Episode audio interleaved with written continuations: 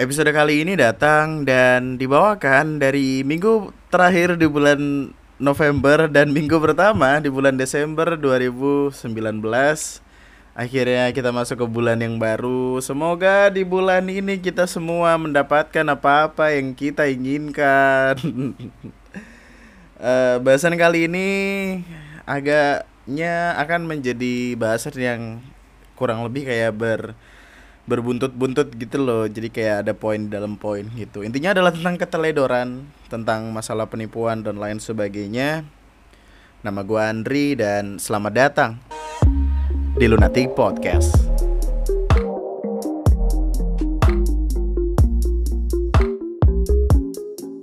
Selamat malam semuanya. Eh, nggak tahu sih pagi, siang, sore, malam, kapan pun lu ngedengerin podcast ini. Uh, balik lagi sama gua Andri tidak mungkin nandar dong ini pasti Andri dong. Apaan sih udah nggak jelas. Uh, sekarang udah masuk bulan Desember gue nge-record ini tanggal Desember tanggal 1 jadi mari kita mari kita lupakan sejenak tentang masalah resolusi-resolusi 2020 berak gitu yang padahal Resolusi 2017 saya belum tentu kesampaian. 2017, 18, 19 belum nyampe. Udah mau bikin resolusi baru lagi. Mending gak usah dah. Gak usah, gak usah lu bikin 2020 resolution. Nala berak. Uh, Semoga semuanya tetap lancar-lancar aja. Semoga semuanya tetap baik-baik aja.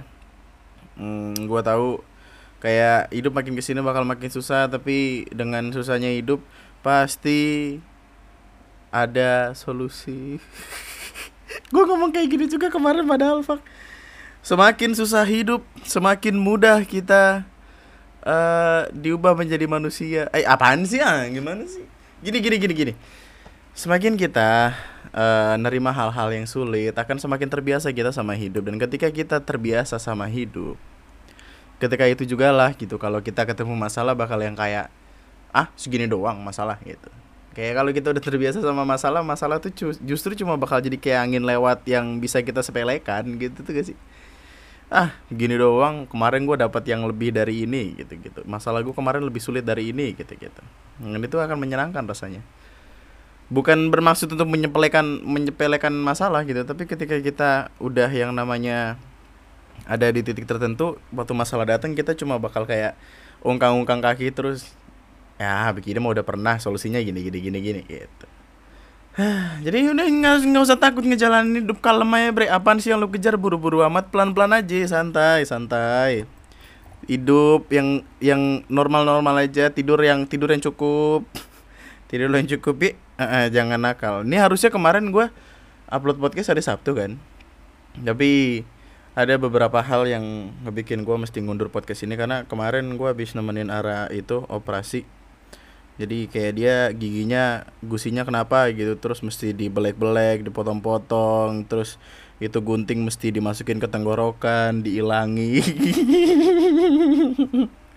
Ya pokoknya gitulah. Terus gue juga baru kepikiran kemarin gini loh Gue kan di jalan lagi ngobrol-ngobrol gitu kan.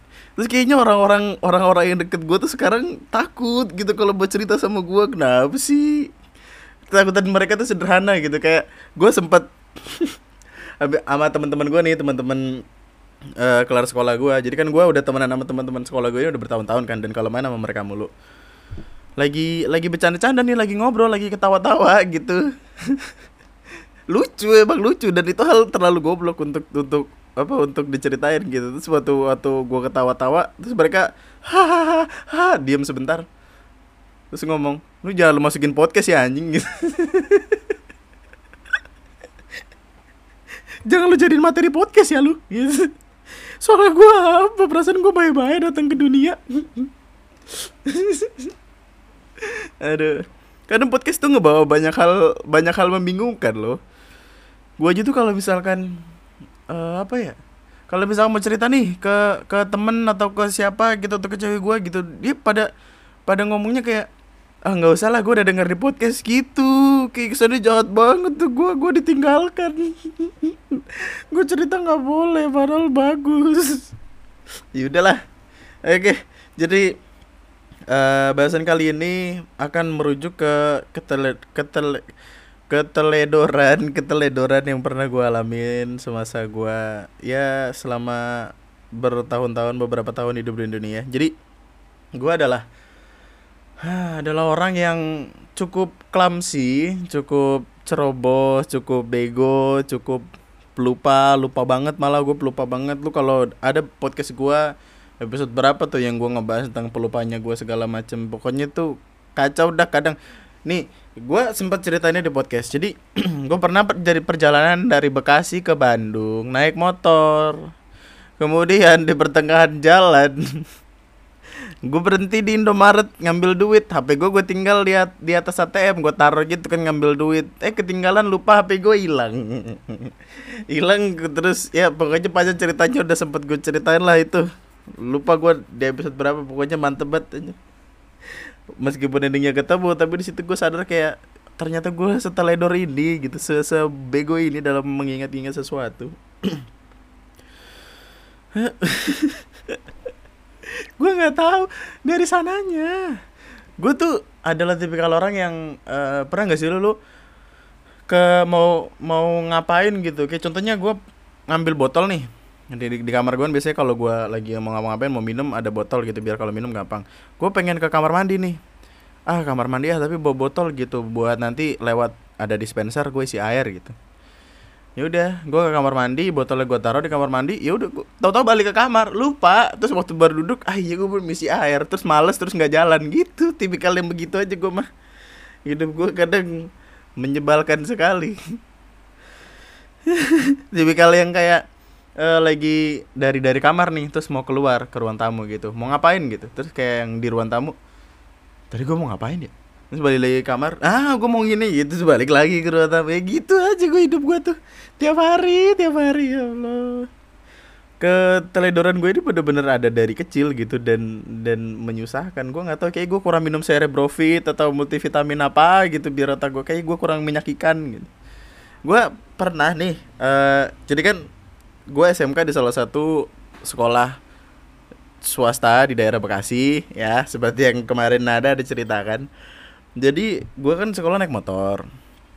Uh, dan di sekolah gue ini parkir bayar dua ribu. dua ribu per hari. Itu lumayan tuh sebulan berapa? Sebulan lima hari lima kali tiga enggak. Uh, ya pokoknya mahal dah kalau gitu gitu sebulan dah gitu. Ya pusing pokoknya mahal gitu. Dan sering kali gue tuh yang namanya uh, cabut supaya nggak bayar parkir. Tidak boleh ditiru, tidak boleh ditiru. Tapi bang ini sekolah gue juga bingung parkirnya ya bayar sialan. Terus gue sering kali pengen cabut-cabutan gitu kan Maksudnya cabut dalam artian gak pengen bayar parkir gitu Soalnya bayar mulu dan kadang-kadang gak punya duit Pernah nih lagi di suatu hari Kan itu gue masuk pagi kan uh, Parkir Pulang nih waktu pulang Wah nggak ada orang nih. Itu tuh gue apa keluar paling pertama. Jadi sekolahan masih itu kan masih masih rada-rada sepi. Terus tukang parkir juga belum kelihatan. Kan biasanya tukang parkir emang begitu kan. Tapi itu bener-bener kosong. Tukang parkir di Indomaret Alfamart gitu kan kita ngelihat keluar kiri kanan tidak ada tukang parkir. Waktu ada di motor ayo terus terus. Di bawah mundur mundur mundur sampai tol Jagorawi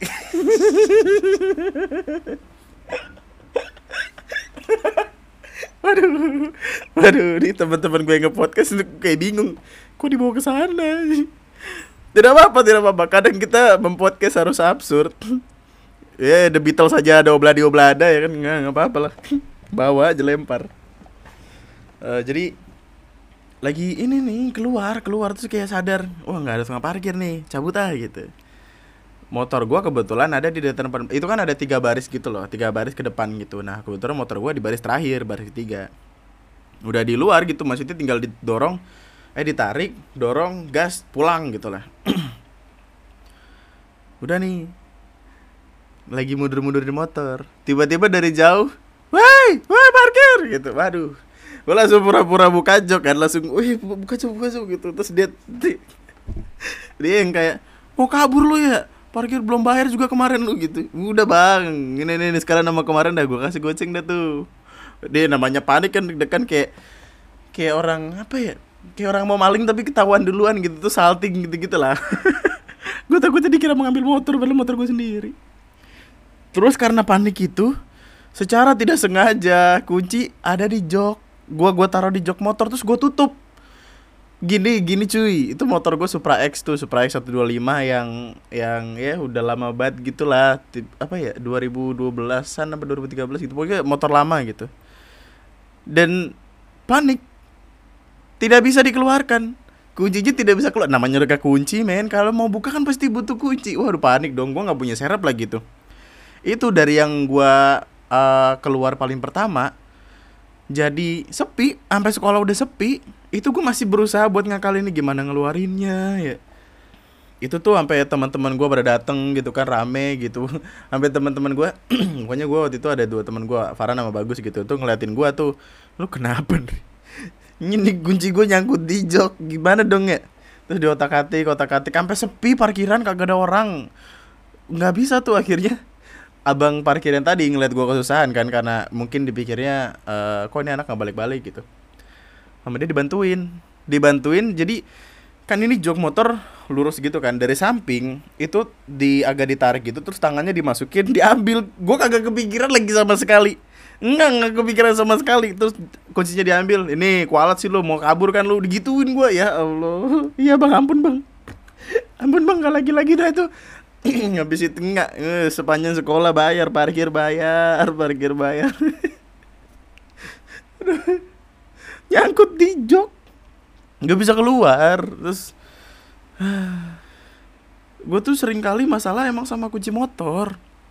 Jadi uh, kunci motor kan emang bentuknya kecil gitu kan dan nggak ada nggak ada gantungan kunci yang bener-bener gede spesifik buat bener-bener nentuin itu kunci motor gua gitu. Jadi kunci motor gua cuman gua taruhin kayak tali-talian gitu buat gue sangkutin di leher. Jadi pokoknya setiap kali gue sekolah itu kunci gue gua kalungin gitu. Gue takut takut hilang gue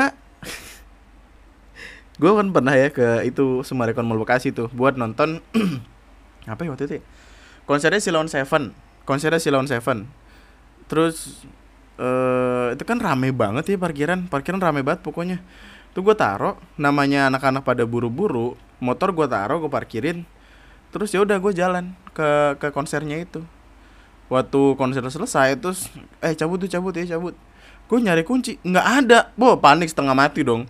Mampus gue kunci gue mana? Eh lu jangan bercanda lu. Gitu gitu kan. Panik udah panik sepanik paniknya waktu gue ke parkiran nyantel. Nempel di motor. Ya Allah. Untung tidak ada orang barbar yang kayak pengen ngambil gitu. Ya well gue gue yakin sih karena mereka nggak berani karena emang apa ketat gitu. Di situ cek STNK terus tiket parkir gitu-gitu. Dan parkirnya juga kayak apa pakai CCTV terus motornya dipoto pengendaranya bukan gitu. Tapi tetep aja. Deg-degan banget pak sumpah itu nyilu banget. Yang waktu itu gini gue pernah uh, waktu itu acaranya tahun baruan tahun baruan aduh di mana lagi lupa gue pokoknya ada konser band gitu tahun baruan. Gue udah udah lagi nonton nih lagi udah eh udah lagi nonton. Nonton terus ngeliat wah gitu. Terus gue sadar gue nggak bisa nonton ini gitu. Terus terus gue nyari kekunci lagi. Kunci nggak ada. Bu deg-degan lagi dong. Masalahnya itu kejadian ini uh, setelah kejadian kunci gue masih nempel di parkiran gitu. Nempel di motor. Langsung buru-buru lari kan ke motor kan. Lari ke parkiran nyari motor gitu. Dicari-cari tuh. Nggak ada uh gila itu langsung jantung gua kayak copot mau turun ke ginjal gitu turun berok ke ginjal turun jantung serem banget dah.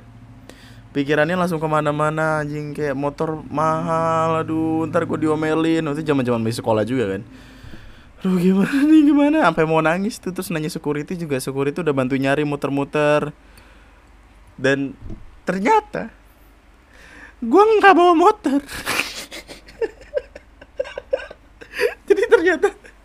Gue baru temen gue jadi uh, itu kan konser tuh uh, band gitu. Gue nonton nih bareng berdua sama temen gue terus karena gue panik sendirian ya udah gue main cabut aja lari ke parkiran. Temen gue masih di situ masih di konser. Gue nyari nyari nggak ada. Gue ngomong sama security pak ini motor saya kok nggak ada ya? Gitu. Motornya mana? Motornya Supra X gini gini gini gini gitu. Depannya rusak gitu. Pokoknya udah bunyi keretek keretek gitu. Terus gue bener-bener yang sebingung itu kan ya gue ke temen gue lah gitu. Eh man lu bawa motor gak? Ayo kita balik yuk ngomong sama mak bapak gue ini motor hilang gitu. Terus temen gue dengan dengan sederhana gampang. Kan lu bareng gue nyet motornya di rumah gue ya allah.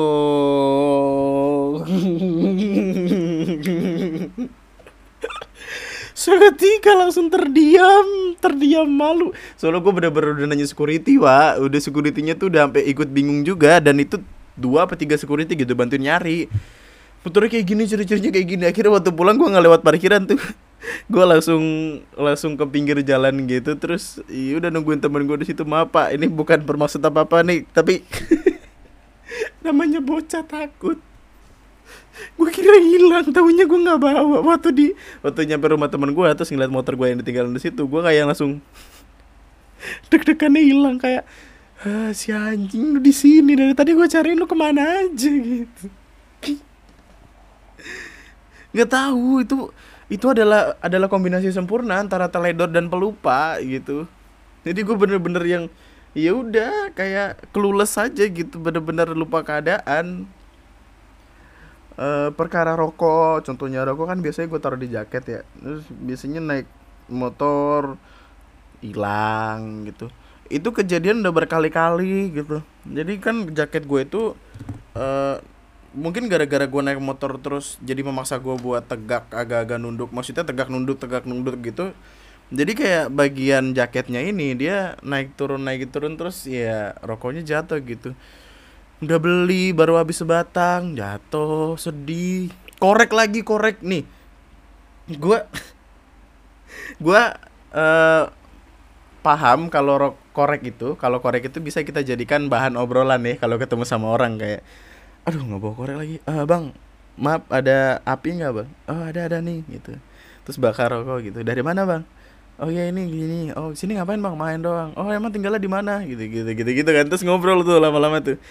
Ini gue sering kali yang namanya gue mau ngerokok nih terus anjing nggak ada korek. Dan gue tipikal orang yang tidak berani memulai pembicaraan secara langsung gitu kan. Maksudnya gue baru bakal bener-bener ngobrol kecuali diajak ngobrol duluan atau ngobrol sama orang yang gue kenal gitu.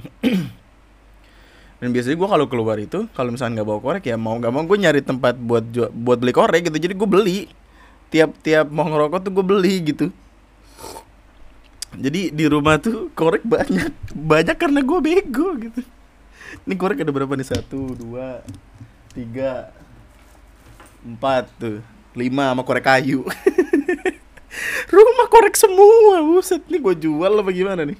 Dan mahal lagi lo tau korek-korek di bangkanya bangsanya apa? Semarang Mall Bekasi, Alfamart, Ceban, korek Ceban, ya Allah, Ceban nasi Padang dapat tuh. Deket rumah ada nasi nasi Padang serba delapan ribu. nggak tahu tuh dagingnya daging apa tuh? Daging waduh pengen ngejok nggak nggak tahu konteksnya siapa mau ngelucu nggak lucu. Aduh. Dan eh ini ini gua gue pengen ceritain ini karena pengalaman ini baru aja terjadi. Bentar bakar dulu. Oh iya uh, ada yang mau lewat satu ini. Jadi uh, kejadian ini tuh baru-baru banget terjadi. Ini hari apa ya? Jadi kan gue ngambil duit nih di ATM gue orangnya tuh lebih suka ya sama yang namanya uh, preparation gitu. Maksudnya gue selalu sedia payung sebelum hujan. Gue tuh kalau pergi ke mana-mana harus nyiapin duit buat ke acara yang gue tuju sama duit buat jaga-jaga kalau kalau kenapa-napa gitu. Kan gue juga bawa motor kan takut ntar di jalan uh, motor gue kenapa-napa terus gue mesti ganti gitu. Kayak yang kemarin cerita rantai putus tuh itu kalau gue nggak bawa duit hilang gue di jalan tuh gimana gue dorong. Masa gue dorong dari Bogor sampai Bekasi hilang jidat gue di jalan ntar uh, terus itu gue ngambil ATM nih dekat rumah gue dekat rumah gue dekat rumah sendiri. Ngambil ATM eh ngambil ATM maling kali gue ngambil duit nih ATM nah uh, salahnya gue adalah gue sering kali ke distrek sama sesuatu dan dan punya kecenderungan buat buru-buru kalau ditungguin orang. Waktu itu kan Ara lagi ke sini terus gue kayak kayak nggak enak gitu lah ngebikin orang nunggu lama gitu. Soalnya dia nunggu di parkiran gitu. Ngambil duit nih ngambil duit biasa. Kayak kayak proper human being aja ngambil duit gitu. Terus waktu udah uh, struknya keluar. Gue ngelihat struk gue buang struknya terus gue ke parkiran gue pulang. Nah itu kan kejadiannya sore tuh sekitar jam jam 3 atau jam 4 gitu. Terus gue nganterin Ara balik itu udah malam tuh. Waktu di rumahnya kan tiba-tiba ada ada SMS masuk nih sisa kuota anda tinggal segini segini gitu kan gue pulsa gue habis nih. Soalnya gue biasanya kan dari dari Bekasi ke rumah Ara itu jauh kan? Jauh lah gitu intinya. Dan biasanya gue tuh uh, entah teleponan entah dengerin musik gitu. Intinya gue butuh kuota. Gue beli pakai m banking pakai mobile banking. Mobile banking kan dia uh, kelihatan saldonya gitu ya. Gue inget nih karena gue sempat ngelihat stroke dan ngelihat sisa saldo gue sisa segini gitu ternyata waktu di eh kita sebutkan nominal cuma sisa satu juta tiga ratus dah. Nah, kita kita mah tidak kaya kaya banget. Kita tidak seperti artis-artis berak yang ke YouTube buat bongkar isi ATM eh, berak lo skobon pada. Itu itu uh, ngelihat kayak ah ini satu juta tiga ratus nih. Oke lah gitu. Waktu di stroke tuh waktu gue buka m banking ternyata tinggal tiga ratus ribu tiga ratusan gitulah. Terus gue kayak mikir lah perasaan tadi duit gue banyak gue buka lain apa uh, informasi saldo. Kan itu ada kayak apa transaksi transaksi sebelumnya gitu. Waktu gue lihat anjing ada orang ngambil duit satu juta. Perasaan gue nggak ngambil duit gitu. Ngecek ATM di dompet kartunya kagak ada. Hmm, langsung seketika dek dek dek dek dek dek dek kartu gue ke mana? Terus gue baru ingat ternyata kayak waktu ngambil duit tuh uh, yang ada di ingatan gue terakhir adalah di layar ATM-nya ada tulisan apakah anda ingin melanjutkan ke transaksi lainnya? Gitu gitulah. Apakah anda ingin melakukan transaksi lainnya? Bla bla bla. Jadi gue seinget gue adalah gue kayak belum belum mencet itu dan itu layar tuh masih kayak gitu. Isinya tinggal pilihan ya atau tidak kan.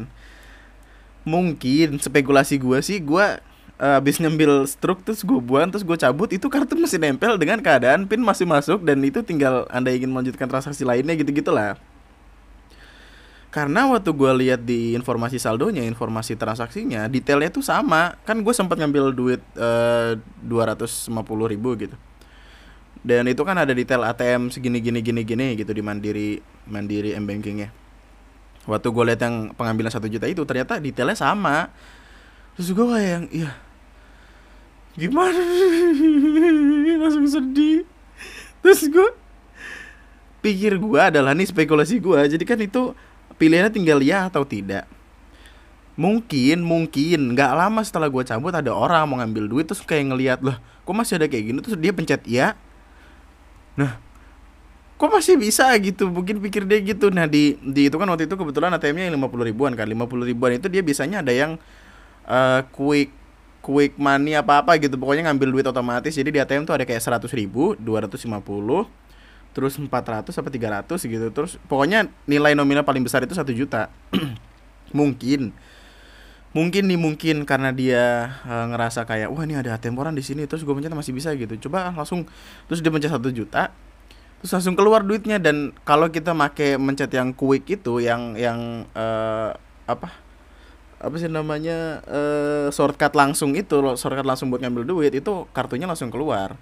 Salahnya gua mungkin nggak di nggak mungkin sih emang salah gua adalah waktu gua ngambil duit ng ngambilnya transaksi lainnya. Kalau kita pakai transaksi lainnya ya, itu kartu masih ketinggalan di dalam. Jadi waktu duitnya keluar itu nggak secara otomatis kartunya keluar. Dan itu ketinggalan di situ. Intinya gitu dah itu duit gue hilang satu juta dan kartunya kagak ada. Aduh sedih banget.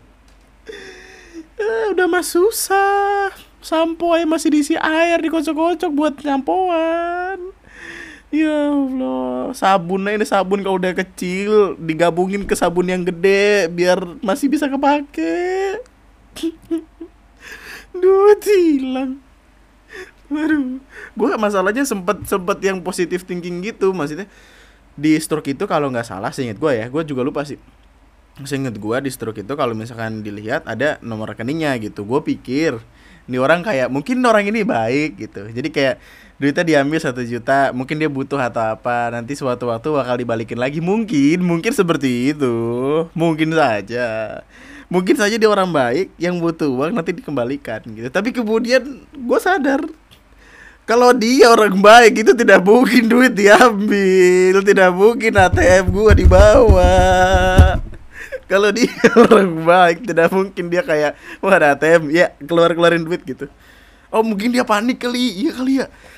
Jadi kayak dia ngelo wah pencet satu juta. Wah duitnya keluar gitu. Wah mau dimasukin lagi kan nggak bisa nih. Jadi kayak yaudah lah ambil aja. Itu kali ya. Ada sedih banget gue ah sialan lah. Cuma yaudahlah kita kita ambil ambil sisi positifnya aja ya. Mungkin mungkin mungkin lebih membutuhkan yaudahlah gitu. Dari dulu yang selalu gue percaya adalah thing happen for a reason and there will be there must be a good reason.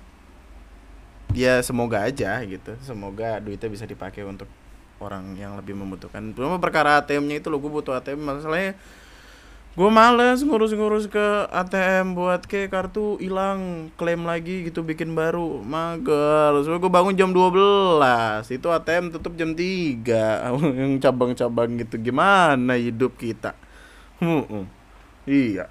Tapi intinya gitulah. Ya semoga mungkin bapak atau ibu atau siapa pun yang mendengarkan podcast ini sadar kalau itu ah nggak tahu lah bodo amat. Gue udah gue udah pasrah aja. Yaudah lah. Yaudah bebas lah jadiin pelajaran. Ini intinya nih ingat nih buat siapa pun dulu nih. Kalau misalkan ngambil duit di ATM jangan lupa itu kartu. Masalahnya ini Ali kan uh, gue ngambil duit. Pokoknya gue cerita gitu kan kali man ini duit gue hilang gini gini. Gini terus baliknya nongkrong sama Ali terus dia juga cerita kalau dia sering sering kehilangan kartunya juga. Jadi udah tiga kali dia tuh ngeklaim ulang kartu gara-gara kartunya ketinggalan. Emang gila. Dan kayak saran juga buat buat mandiri deh. Soalnya kayak ini terjadi buat mandiri doang atau gimana gitu kalau ATM BRI, ATM BCA tuh kayak yang Ali punya, itu tuh kalau misalkan kita mau ngelanjutin ke transaksi lainnya, itu tuh dia masukin pin lagi gitu. Kalau kita mencet iya dia bakal masukin pin lagi. Mandiri tuh kagak. Tolong dong ini bapak ibu mandiri. Jangan gitu dong. Kita takutnya kalau ketinggalan gimana? Harusnya memikirkan memikirkan konsumen soalnya itu rentan sekali. Dan mana kan gue pakai m banking ya harusnya kan ada sms push up notification gitu kalau BRI kan ada tuh jadi misalkan gue ngambil duit uh, ada SMS masuk, ada ngambil duit segini gitu. Mandiri tuh kagak, kagak ada SMS masuk meskipun gue udah daftar M banking pakai nomor gue enggak. Ya Allah. Tolong nih Mandiri diperbaiki meskipun gue nggak tahu apakah gue bakal pakai Mandiri lagi atau enggak. Pokoknya itulah mantap. Dan jadi orang tuh jangan teledor, inget pastiin lu kalau ngelakuin sesuatu tuh inget-inget lagi lu ngelakuin apa. Jangan kelupaan jangan ketinggalan jangan. Nanti nyesel belakangan. Nyesel itu selalu datang belakangan yang di awal itu namanya LDKS biasanya MOS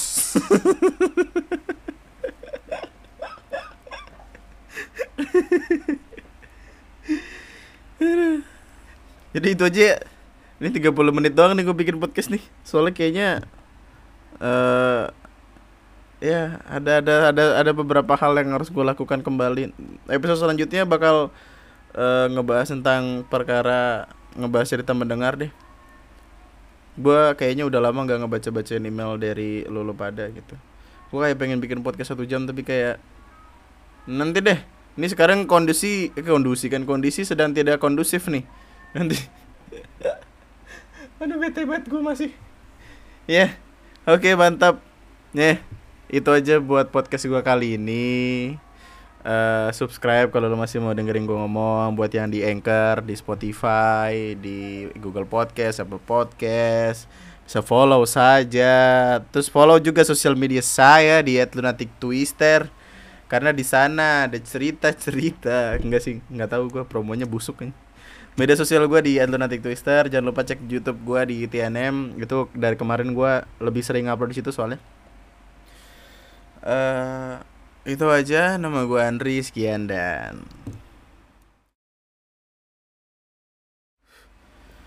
Eh gue mau nanya dong, ini serius dah. Gue kayaknya harus harus mulai menspesifikasi eh menspesifikasi laptop kali spesifikasi. Menspesifikan hal ini. Lu pada lebih milih gue upload satu jam atau setengah jam? Gitu aja. Kalau setengah jam ya at least bahasannya bakal nambah padat. Kalau satu jam akan bertele-tele panjang muter-muter. Yang meskipun kadang gue juga uh, bakal lebih milih satu jam karena emang lebih dalam obrolannya. Tapi kayak hari ini gue tidak membawa obrolannya sebegitunya panjang. Jadi ya tolong uh, beritahu saya. Itu dem dem email. Kalau enggak email. Makanya dari kemarin banyak buat yang email pak. Makanya gue uh, kayak lebih milih nanti episode selanjutnya bacain email aja deh. Kesian yang email banyak banget Nah, episode selanjutnya tuh satu setengah jam. Oke, mantap. Itu aja. Bye bye. Have fun.